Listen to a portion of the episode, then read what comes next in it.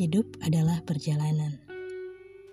Waktu demi waktu yang berlalu adalah langkah kita menuju pemberhentian terakhir.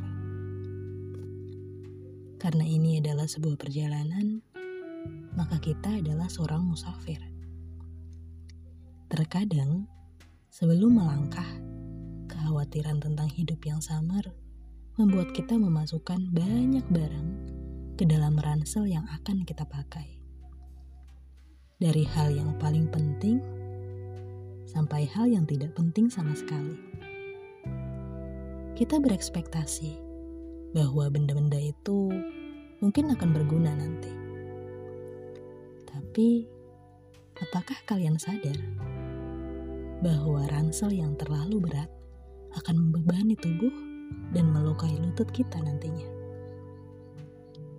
Jika hal ini terjadi, maka jangan ragu untuk mengeluarkan benda yang tidak terlalu penting untuk perjalanan hidupmu. Kita harus memilah dan memilih mana yang harus dan mana yang tidak. Barulah kita lanjutkan perjalanan.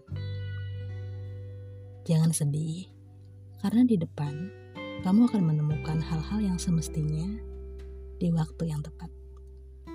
Jangan terlalu khawatir pada kemungkinan-kemungkinan buruk yang sebenarnya hanya persangka kamu semata. Pada akhirnya, kita akan berhenti pada waktu yang telah ditentukan.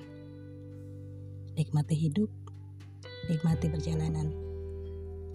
Bukan hanya tentang tawa, tapi juga tentang luka yang memberimu pelajaran bahwa hidup ini memang bukan tempat berbahagia. Hidup ini perjalanan.